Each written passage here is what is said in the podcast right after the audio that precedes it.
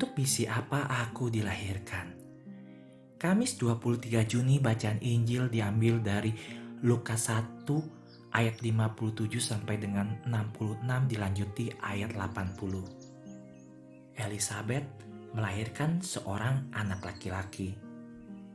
Maka datanglah mereka pada hari yang ke-8 untuk menyunatkan anak itu dan mereka hendak menamai dia Zakaria menurut nama bapaknya. Tetapi ibunya berkata, "Jangan, ia harus dinamai Yohanes." Mereka semua heran, dan segala peristiwa itu menjadi buah tutur di seluruh pegunungan Yudea. Dan semua orang yang mendengarnya merenungkannya dan berkata, "Menjadi apa anak ini nanti?" Sebab tangan Tuhan menyertai dia. Sahabat, semua bertanya-tanya, lalu anak ini akan menjadi apa?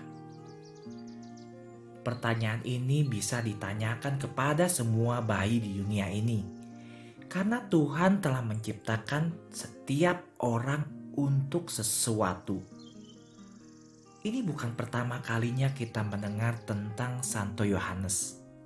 Tiga bulan sebelumnya, Bunda Maria datang mengunjungi sepupunya dan ketika Elizabeth mendengar salam Maria, bayi itu melompat dalam rahimnya. Santo Yohanes merasakan kehadiran Yesus dalam rahim Maria dan melompat kegirangan. Ketika bayi masih kecil, semua anggota tubuhnya kecil seperti mata atau hidung mereka. Sedikit demi sedikit mereka berkembang dan kita dapat mulai mengenali lebih banyak lagi ciri-ciri orang tua mereka.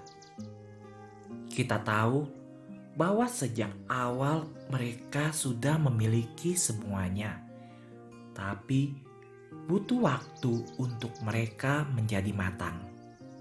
Santo Yohanes juga memiliki misi dari saat pembuahannya. Panggilan itu sudah ada sejak awal, tetapi butuh waktu mengenali dan melaksanakannya. Ya Tuhanku, tolong aku mengingatkan orang-orang bahwa semua manusia memiliki tujuan.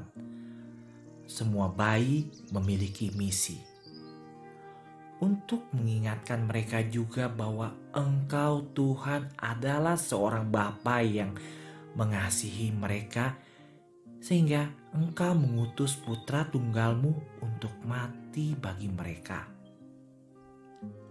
Lalu anak ini akan menjadi apa? Kata orang tuaku ketika aku dilahirkan.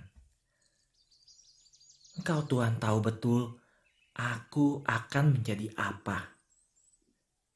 Saya belum tahu banyak hal yang seharusnya, tetapi ada satu hal yang saya tahu, Tuhan. Saya ditakdirkan untuk menjadi orang suci. Santa Maria, Bunda anak-anak Allah, saya berdoa hari ini untuk semua orang yang menghadapi keputusan sulit ketika kehidupan anak-anak mereka. Saya berdoa terutama untuk semua bayi yang tidak diizinkan untuk hidup dan menjadi seperti yang Tuhan inginkan. Apa yang akan terjadi jika Santo Yohanes tidak pernah diizinkan untuk dilahirkan?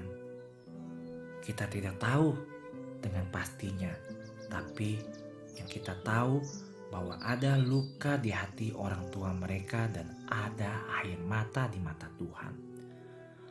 Bunda Maria, harapan kita dan tata kebijaksanaan, doakanlah kami.